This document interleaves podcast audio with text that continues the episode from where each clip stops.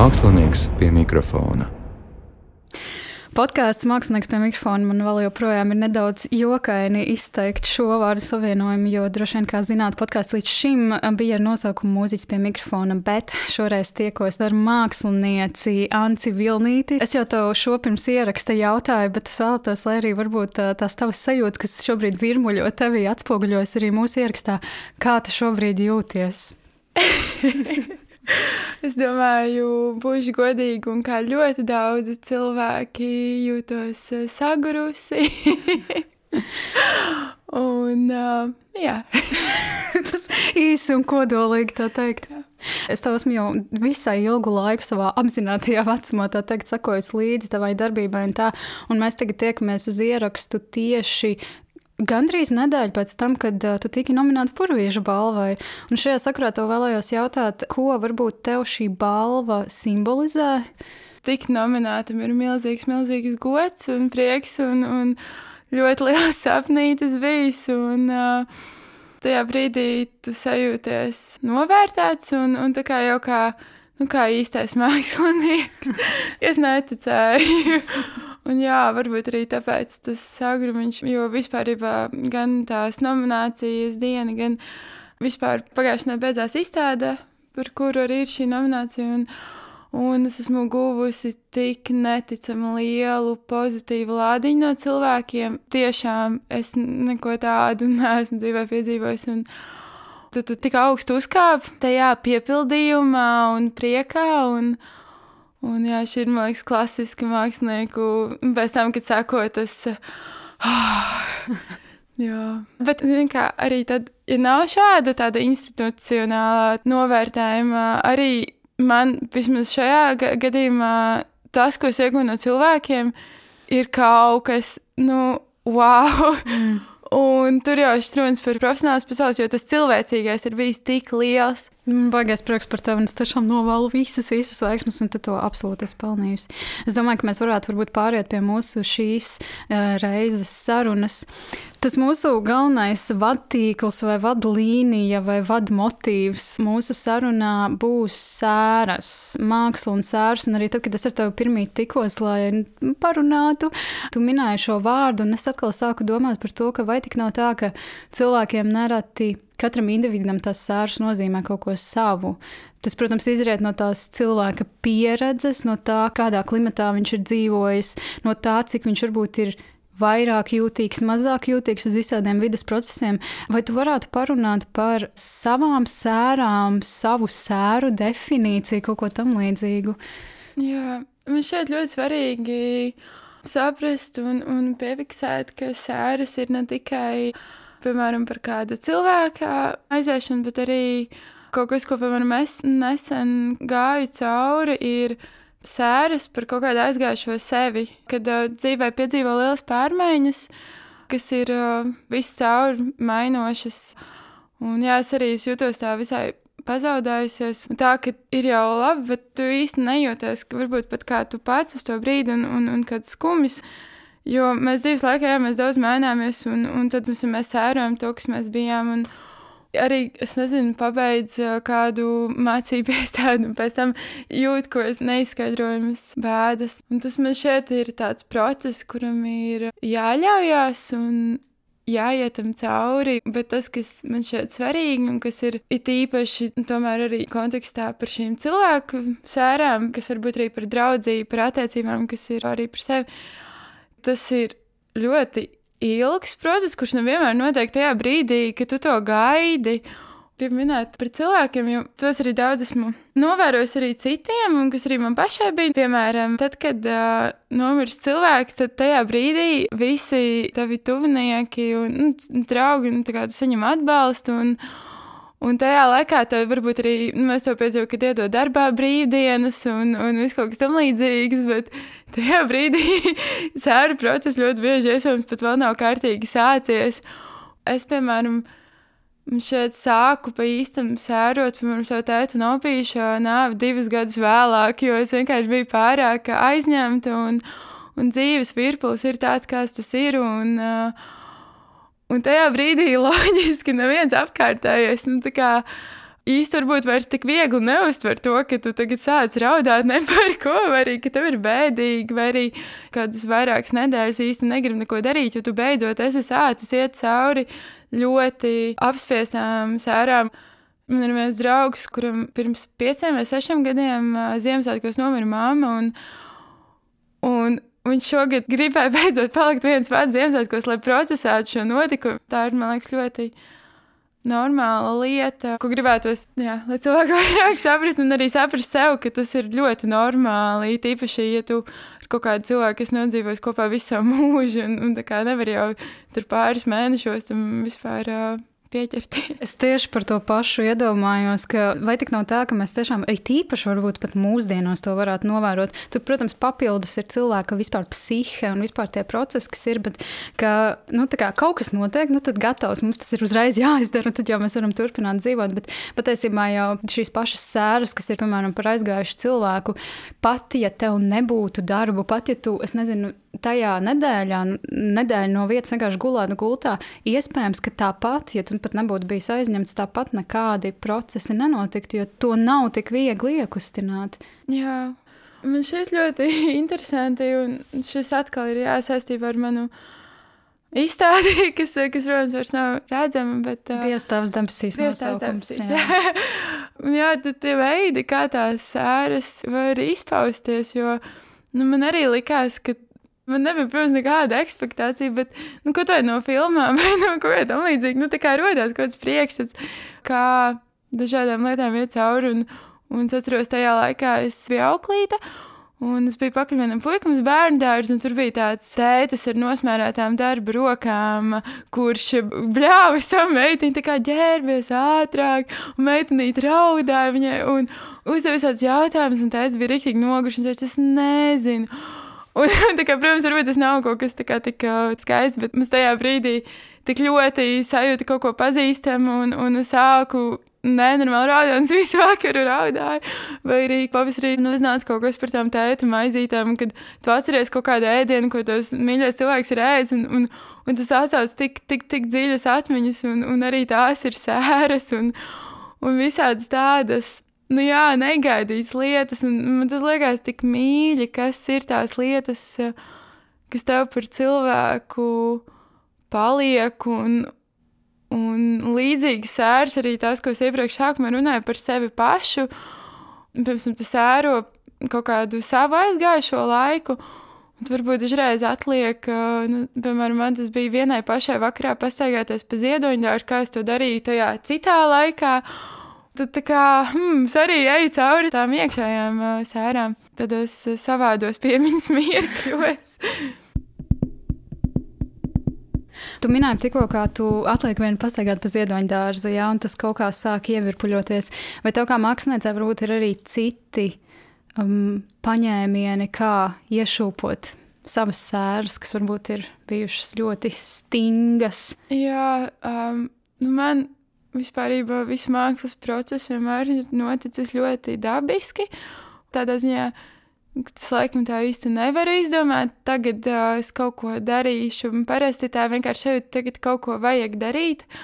Es esmu dzīves laikā ļoti daudziem notikumiem gājusi cauri tieši caur uh, radošo procesu. Tas ir bijis ļoti, ļoti svētīgi un um, palīdzoši.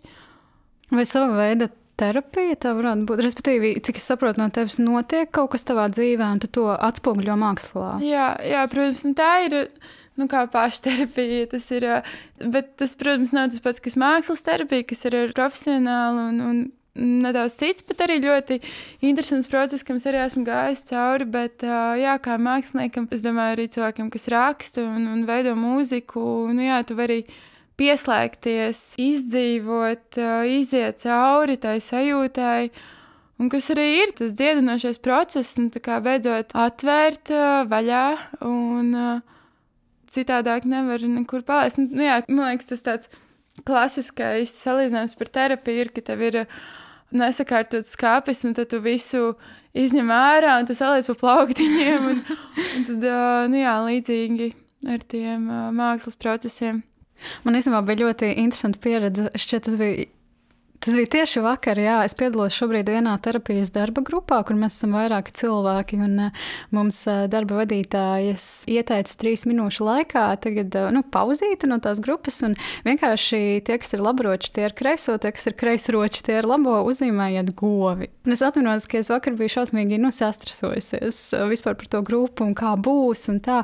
un es atceros tajā brīdī, kad es to govi zīmēju, man pilnībā pazuda viss uztraukums, visa koncentrācija uz to, kas notiek, jo tajā brīdī tu tiešām esi tajā mirklī. Vai tu teiktu, ka tev arī nereti ir tā, ka varbūt viss, ko tu redzi sev apkārt, tas tev traucē uzmanībai, un tas tevi varbūt pat ievada vēl lielākās nepatīkamās sajūtās? Jā, protams, viennozīmīgi. Un par šo procesu tu man atgādināji par to, ka jā, viena lieta ir tas emocionālais, piemēram, kā mākslinieks, kā veidot jaunradību tu kā tematiski iedzinies kādā tēmā, bet liekas, nu, nevelti ir, piemēram, šis virziens mākslas terapija, jo tā pati aktivitāte ir tik, tik brīnišķīga un, un tieši tas fiziskais, un tāpēc man arī iepriekš studēja tēlniecībā, un, un jo man vienmēr likās, ka māls un ģipsis ir kaut kas tik nomierinošs, tīri tādā jutekliskā līmenī, un, un joprojām arī man patīk vienkārši tā sajūta.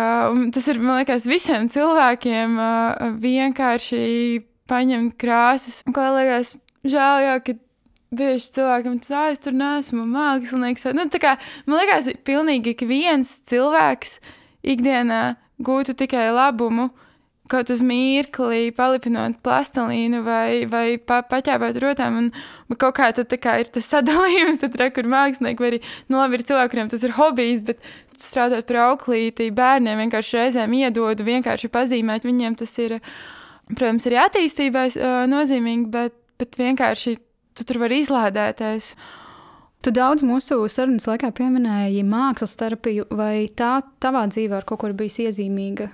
Jā, pirmkārt, tas bija droši vien arī joprojām ir tā. Man bija sapņu profesija, kad es uh, mācījos vidusskolā. Tas arī viens tāds nu, nesmieklīgs, bet bieži cilvēkiem pārsteidz, kad uh, es pēc rozentāļiem iestājos Stradiņu universitātē uz ergoterapiju. Oh. Es biju gatava upurēt mākslu uz četriem gadiem tikai tāpēc, ka man likās, ka tad man būtu lielāks iespējas, jo tur studēt, bet uh, šobrīd. Uh, tā sajūta ir, ka varbūt, lai es būtu labs profesionālis, man tomēr tas ir kaut kas, kam jāpievēršas vēl nedaudz vēlāk dzīvē, jo nu jā, šie ir bijuši ļoti intensīvi četri gadi. Bet tas, jā, kā man pašai, varbūt arī šajā brīdī, pagājušajā gadā, mākslas darbība bija ļoti īpaša. Es uh, pavasarī sāku iet pie vienkārši psihoterapeita. Uh, kas, protams, bija ļoti ilgs sapnis. Un vienreiz sapratu, ka uh, nekad nebūs tā, ka pietiek nauda un, un vienkārši tas ir jādara. Un pēc tam uh, es pieteicos seju kustību terapijas grupā. Un tas bija kaut kas nu, episks. jo to noteikti varētu ieteikt cilvēkiem, kuriem ir grūti atvērties terapeitam. Jo vismaz manā pieredzē, tas darbs bija daudz vairāk vērsts uz eh, lūgošanos sevī, un tur nevarēja samalot īsti. Jo tad, kad, piemēram, tur reizes divās nedēļās eju pie terapeita, es gāju ar konspektu. Un es bieži jau tā kā izdomāju, par ko es runāšu, un, un ir daudz vieglāk arī kādreiz, un tas esmu dzirdējis no citiem cilvēkiem, kad viņiem ir eh, viegli par kaut ko nu, neparunāt, kaut arī tas būtu svarīgi. Bet eh, šeit tā mm, radošā aktivitāte un tie uzdevumi tevi mm, kā, paņem uz pārsteigumu. Tad, kad tev iedod desmit minūtes, lai kaut ko uzzīmētu, kaut kādu iekšēju procesu, tu zīmē godīgi to, kas tev ir iekšā, vispār nedomājot. Jo ir tas kaut kāds fiziskais, tu tik daudz nepārstrādāt informāciju. Arī pārsteiguma moments. Vai? Jā, un tad ir šis pārsteiguma moments, un, un man ļoti, ļoti, ļoti viena no varbūt īpašākajiem kaut kādiem iekšējās augšanas mirkļiem. Bija tāda pieredze, kad bija tāda meditācija, kurā mēs vizualizējam koku. Un, jā, un kaut kā, bet laikam beigās es aizgāju to, kas mēs esam. Un es sākotnēji būtu domājusi ar savu prātu, kad es esmu mazs, tur vājš bērns vai kaut kas tāds, jo es jutos ļoti nedroši un, un, un nepašpārliecināti. Bet tas koks, kurus redzēju, bija ļoti liels, stiprs, zaļš ozols, kas tur mird saulē ar zelta saknēm. Un, nu, kaut kas tik ļoti skaists, un, un tas bija kaut kur vienkārši iekšā manā prātā. Un tas man pēc tam bija viens no tiem mainošiem mirkļiem, kurš pēc tam sēroja kaut kādu aizgājušo laiku. Jo tas koks ir manā sirdī. tas kaut kas tāds maģisks, brīnums pieredzes, vai arī, piemēram, savienošanās ar savu iekšējo bērnu caur kaut kādām kustībām. Nu, kaut kas tāds, ko nav, man liekas, citādi, tā vienkārši runājoties, vismaz tik efektīvi. Jā. Jā, bet, protams, tas viss ir ļoti individuāli. Cik es saprotu, jūs tur gan zīmējāt, gan kustējāties. Vai Jā. tu varētu varbūt vēl kaut kādus uzdevumus vienkārši nosaukt priekšstatam? Aktivitātes bija ļoti daudz un dažādas, tāpat arī tēmas. Grupām mēs noteicām paši, vienojoties, kas ir kurā brīdī aktuāls. Un, uh, tas tiešām ir ļoti interesanti, cik daudz caur to ķermeni var sajust uh, iekšēji. Nu, tāds pavisam vienkārši piemērs ir Mums vajadzēja vienam otru veidot kā mēlu skulptūras un, un ievirzīt dažādās pozās. Un mana pāriniece mani izveidoja tādā pozā, kurā ar vienkārši taisnāku muguru un tādu augstu paceltu galvu, kurā es jutos ļoti skaisti. Oh. Un, un, un tā arī bija viena no nu, lietām, par ko es ļoti uztraucos. Es nekad tā nejūtos ikdienā, bet tikai no šīs kustības es vienkārši tā jutos. Nevelti ir visi šie piemēri, ja tu nejūties pašpārliecināti vienkārši fiziski iztaisnojies, fiziski iztaisnojies un uzvedies, un, un, un tiešām beigās tā arī sajūties. Tu pieminēji, ka tu biji gājis gan parastajā terapijā, gan arī šajā deju un kustības, vai ne? Kas tev pamudināja meklēt šos terapijas veidus, meklēt to, kas tev vairāk dara? Nu, protams, par otro, par šo dēļu un kustību terapiju. Es vēlējos eh, saprast, eh, kas notiek šajā dēļu un kustību terapijā. Man bija sajūta, ka tas, kas man ir vajadzīgs, kā cilvēkam ir sociālo trauksmu un nedrošību, tieši šī kaut kā tā ķermeniskā. Un, un tādā ziņā arī ir tiešām milzīgs izaicinājums iet uz terapiju grupā, ja tev ir sociālā trauksme. jā. Un, un jā, tā kā man šeit forši un, un svarīgi, ka vispār cilvēkiem meklējot kaut kādu palīdzību, zināt, ka ir ļoti daudz un dažādi veidi. Un katrs var atrast sev piemērotāko terapiju. Un līdzīgi kā ar sportu, bieži cilvēkiem, ah, man tur nepatīk skriet, nu, bet nu, var taču jogot, un ir, ir dažādi citi veidi. Vai tu varētu parunāt, kā tev izpaužas sociālā trauksme? Es pieļauju, ka mums ir, man, man ir līdzīgi, bet mm. ka mums tas varētu izpausties dažādos veidos. Jā. Kādēļ man tā kustība bija svarīga, jo es, un ķermenis, jo no visai agri vecuma pamanīju, ka tā trauksme vispirms izpauž tieši ķermeniski, sākot ar to, ka tu tā kā sastingsti un, un, un augstuma viļņi tādi. Un, Un, un tad pilnīgi tāda tieši fiziska trauksme, ko zinu, bieži cilvēkiem uh, izpauž arī pirms bailēs dejot citu priekšā. Un, un tāds, jā, tāds stīvums, kas gāja cauri tiešām visiem pusauģu gadiem. Un es atceros, 19 gados biju Spānijā. Kādā sāls vakarā, un, oh. un, un es atceros, un es iekšēji man, man šķita, ka es jau esmu ļoti spēcīga un, un jau daudz kam tikusi pāri, bet tāpat es nonāku šajā pasākumā.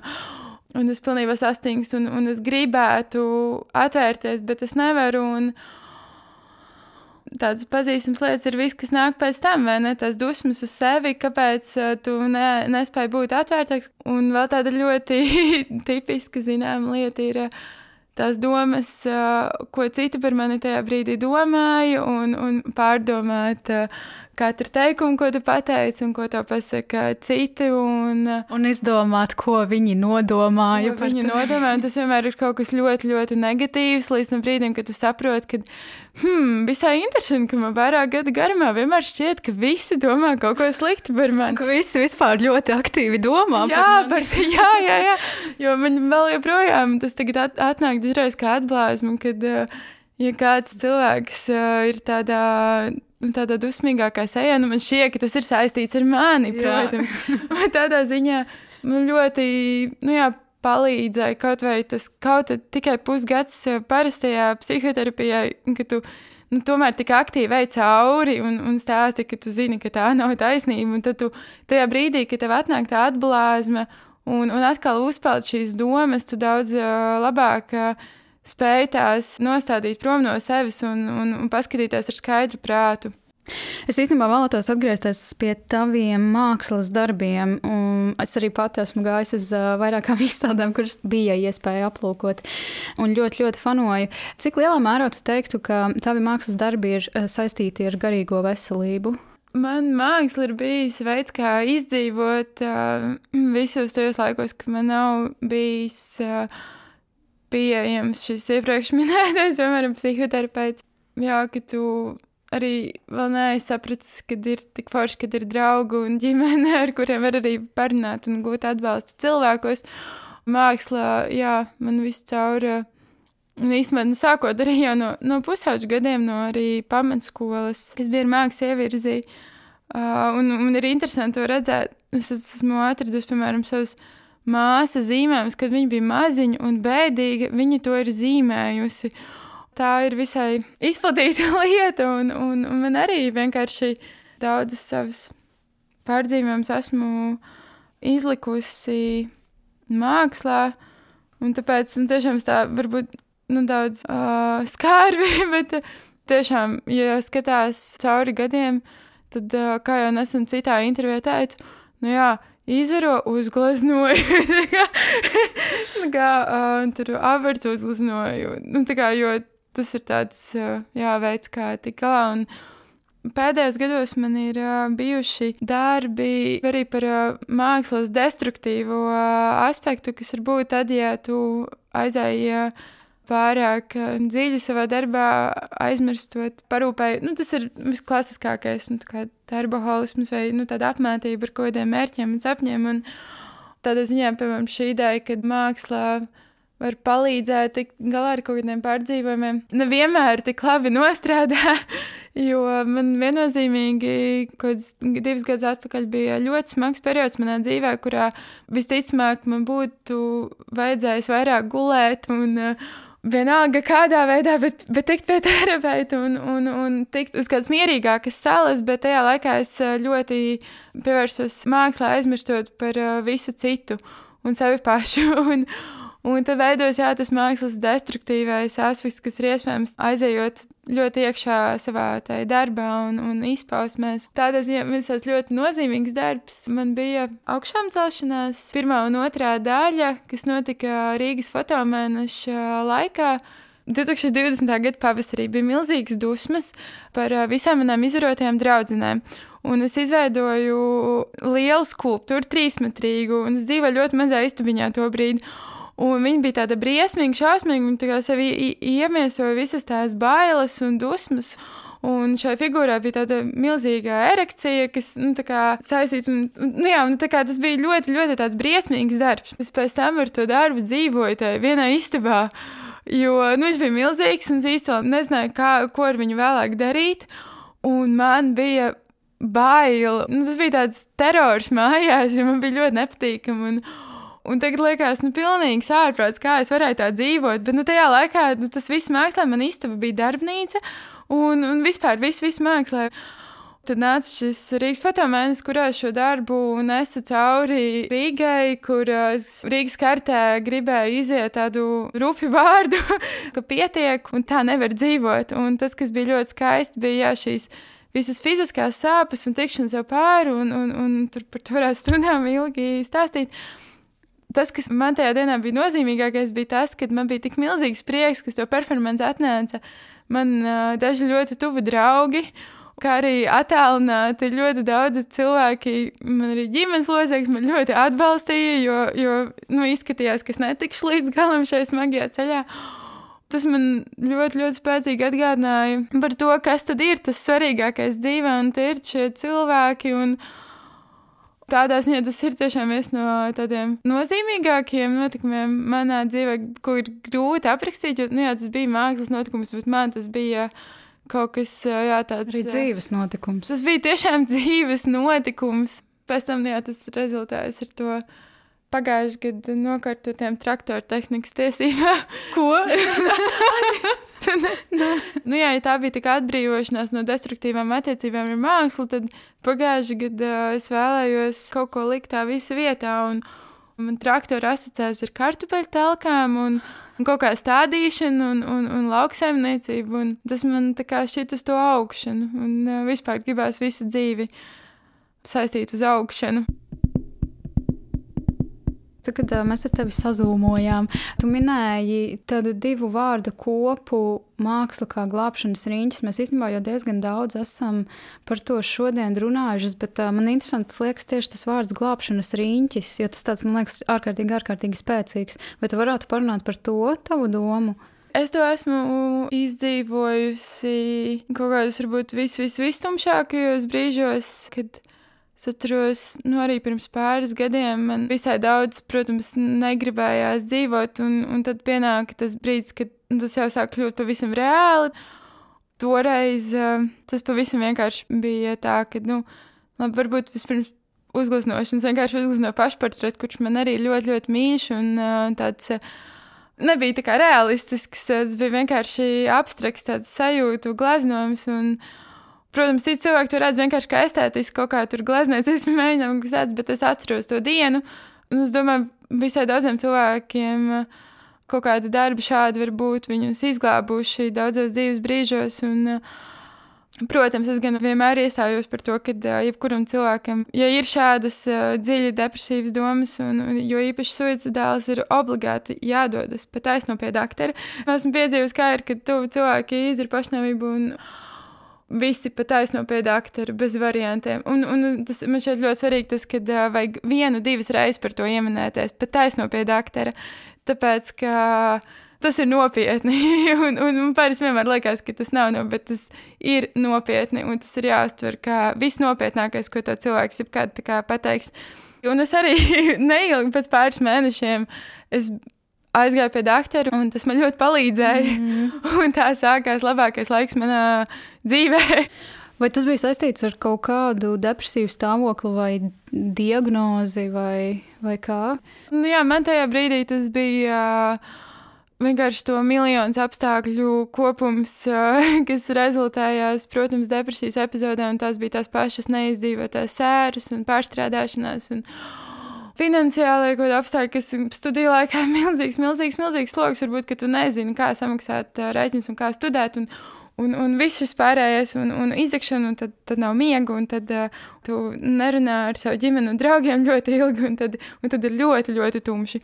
Uh, tas vienkārši ir tāds mūžkulis, tu to sauc, un es redzēju, kā kaut kāda miskas, tas bumba, kas jā. ir arī pūkaina. Viņa tikai aug, aug, aug, un nekad nebeidz. Vai drīkst tev jautāt, kā tu tiki no tā ārā? Jo tas, ko tu aprakstīji, protams, pašnāvnieciskas domas, tas nu, neiedomājami. Kas tev palīdzēja? Mm.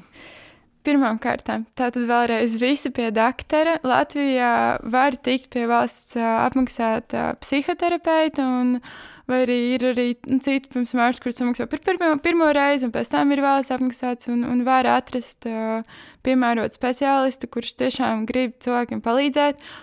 Un uh, es arī kādu laiku lietoju medikamentus, kas man šeit uh, ir uh, ļoti normāli. Un tad ir vispārējais, ko sauc par labo smadzeņu lietām, kas ir pirmkārt labs miegs, fiziskas aktivitātes, veselīgs uzturs un vajag uh, daudz mīļoties, jo cilvēkiem ir vajadzīgi cilvēki nelietot alkoholu. Nu, tā kā ne, nu var, bet nepārmērīgi. Jā, jā nepārmērīgi, jo, tas ir burtiski depresants. Un, un tomēr, kad tu saproti, kā tas iedarbojas uz cilvēku smadzenēm, nu, tā kā tu negribi īsti darīt visas tās lietiņas, kuras smadzenes var izsist no līdzsvaru un, un kaut kā ietekmēt. Un, Tieši tāpat kā ir taču tomēr pierādīts, ka nezinu, tur eh, stundām ilga Instagram skrološana, tas tev nepadara diezko priecīgāk un pozitīvāk. Un, un tās, protams, visas ir sākas tam depresīviem stāvoklim, bet un tas man bija arī bijis pirms šī tumšā perioda. Vienkārši tajā brīdī man nebija resursi kā, jo kaut kā vajag tikt no tā ārā, lai vispār varētu. Jo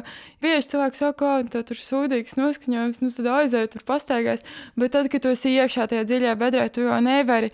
Un es jau arī tajā laikā zināju, ka es aiziešu skriet, man droši vien būs labāk, bet tā bedra ir tik dziļa, ka nu, īsti nevar, un tāpēc ir labi vispirms pie tā speciālista aiziet, pieķerties un, un, un pēc tam uzturēt sevi ikdienā man tāda ļoti nozīmīga lieta ir arī vienkārši režīms, rutīna. Iet gulēt līdzīgā laikā, vispār naktīs gulēt. Man liekas, māksliniekiem to ir svarīgi atgādināt, kad ir forši, kad ir diena un nakts. Un tikai saprast, kurš no tiem laikiem ir tas, kurā tev ir vislabāk. Man, piemēram, ļoti patīk ļoti agrie rīti. Bet, jā, Tomēr ļoti svarīgi man šeit cilvēki, jo es domāju, ļoti daudziem cilvēkiem nav tā, ka viņi jūt savu ģimeni kā lielu atbalstu. Un man arī viena no tādām vis tādām dziļajām bēdām, jau droši vien no bērnības, bija tas, ka es, es jūtu tādu tukšumu, tādu ļoti lielu nedrošību, trauksmi, kad es nejūtu nekādu kā, balstu zem kājām un, un visu laiku uztraucos par cilvēkiem. Arī tad, ja tev šķiet, ka tur nav kaut kas tik. Uh, liels un stabils, tu tomēr mēģini veidot attiecības arī tad, kad tas ir grūti un pieņemt līdzcilvēkus. Un man bija vienbrīd tāds. Daļa no manas rutīnas, man ir režīma, bija uh, piezvanīt abām vecmāmiņām. Oh. un vienkārši reizi nedēļā, tas bija Covid laikā, vienkārši katru nedēļu, kad pirmdienu, otrdienu es viņām zvanu, pusstundu parasti ar katru norunājos. Un, un vispār savu ģimeni un draugus ielikt uh, kalendārā līdzīgi kā citus deadlines. Cilvēki tev ir jāsatiek, jo ļoti bieži ir tā, ka negribēs braukt ciemos, negribēs satikties. Bet tu to izdari tieši tāpat kā jebkura darba deadline, jo tu zini, ka ilgtermiņā tas tev ir svarīgi. Jā, cilvēkiem vajag cilvēkus. Man liekas, ļoti svarīgi, jo viena no liekas, tādām izteiktākajām lietām tomēr ir tā nu jā, dziļā vientulība mūsdienu cilvēkiem. Man liekas, ārkārtīgi interesanti. Tu to sauc par labo smadzeņu, jā? Jā. labo smadzeņu lietām. Tu no, noskaitīji tik tiešām no malas skatoties elementāras lietas, bet cik grūti ir viņas padarīt par elementārām. Man pašai arī tā bija problēma. Man liekas, es tikai sākot ar septembri sāku reāli normāli sabalansēt ēst. Un tāds, oh, Es beidzot jūtos labi fiziski.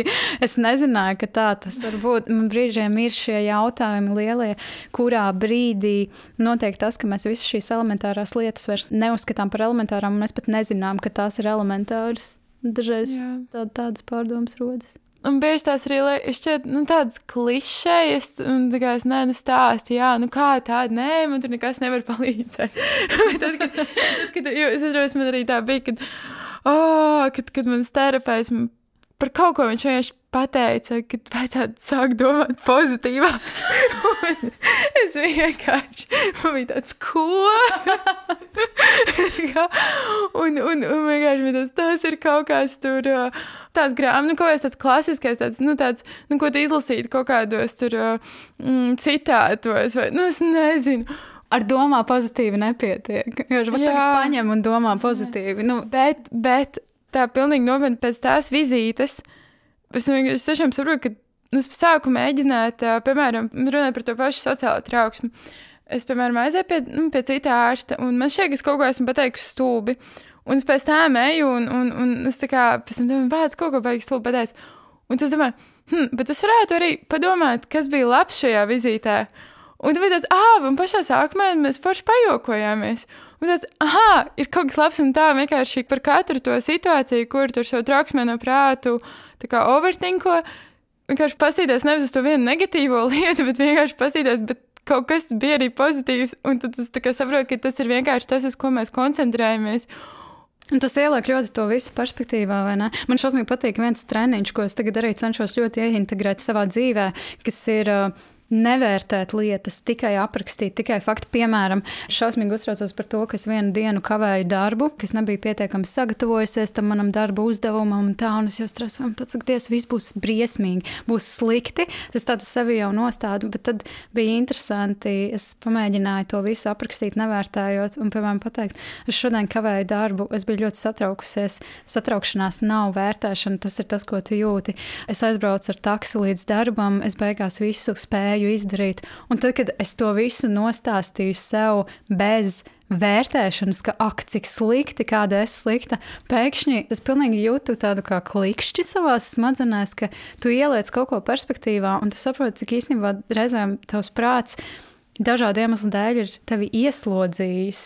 Jā, tie ir tie vienkārši tie mazie vingrinājumi, ar kuriem tu vari sev palīdzēt, uh, iet cauri tai lielajai dzīvei. Vai tev dažreiz um, nerodas tāds jautājums, nu, bāc, kāpēc man ir tā, bet daudziem tā nav? Man kādreiz sen atpakaļ tā bija. Tā atkal gribu pieminēt izstādi. Man liekas, ka tas agrijos pusauģu gados uh, pārdzīvoju, kāpēc man nav nu, tā tāds tēvs, uz kur var paļauties, piemēram.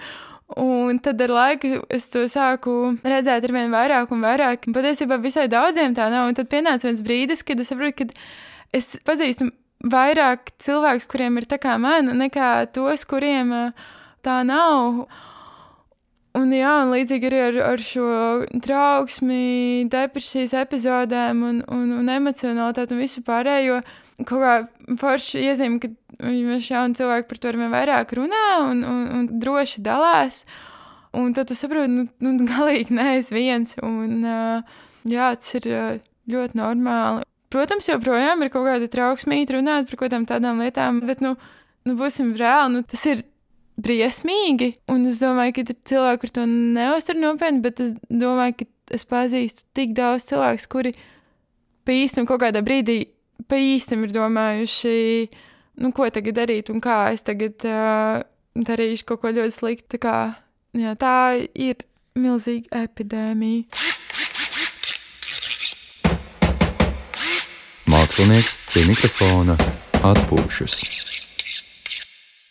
Anca, vai ir kaut kādas nodarbes, kas tevi ļoti uzrunā arī dzen, ārpus mākslas, ārpus tava darbiņa? Pati dzīve ir māksla, un, un, un tā pašā lieta, esot māksliniekam, ir bieži tas, ka tu visur saskati kaut kādas tādas, oh, šis ir tik poētiski. Piemēram, arī mm, savās lauku mājās.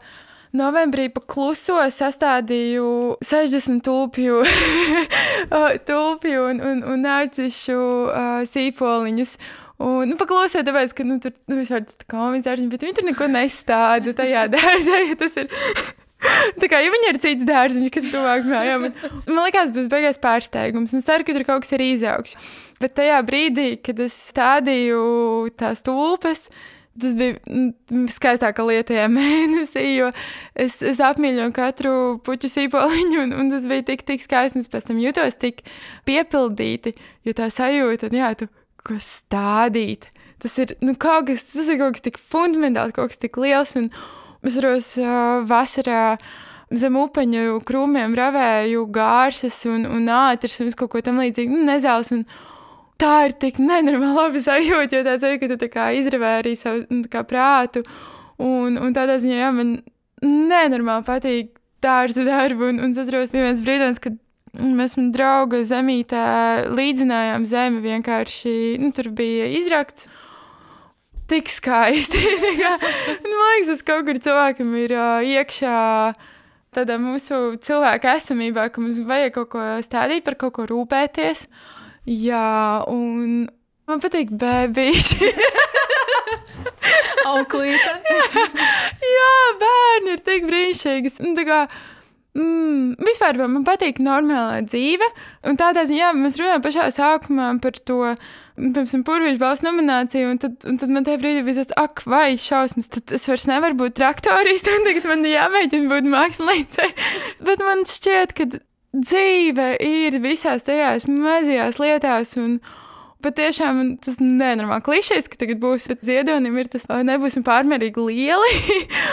un, kā, un tas arī jā, ka cilvēkam nebūtu pārmērīgi lepnam, un, un ka nē, nu tā jau nevar, un kaut kāda tā ideja, ka vajadzētu kaut kā uzvesties un kaut kādam būt, un, un tagad arī, nu, Nu, reāli es domāju, ka es gribu taisīt māla figūriņas. tā nav augstā māksla, tā nav laikmatīgā māksla. Bet tas ir kaut kas, ko man gribās darīt, un tā ir mana dzīve, un es varu to darīt. Un tā man dzīves mērķi, nu, es, protams, gribu būt arī māksliniece, bet es gribu arī stādīt ķiplokus.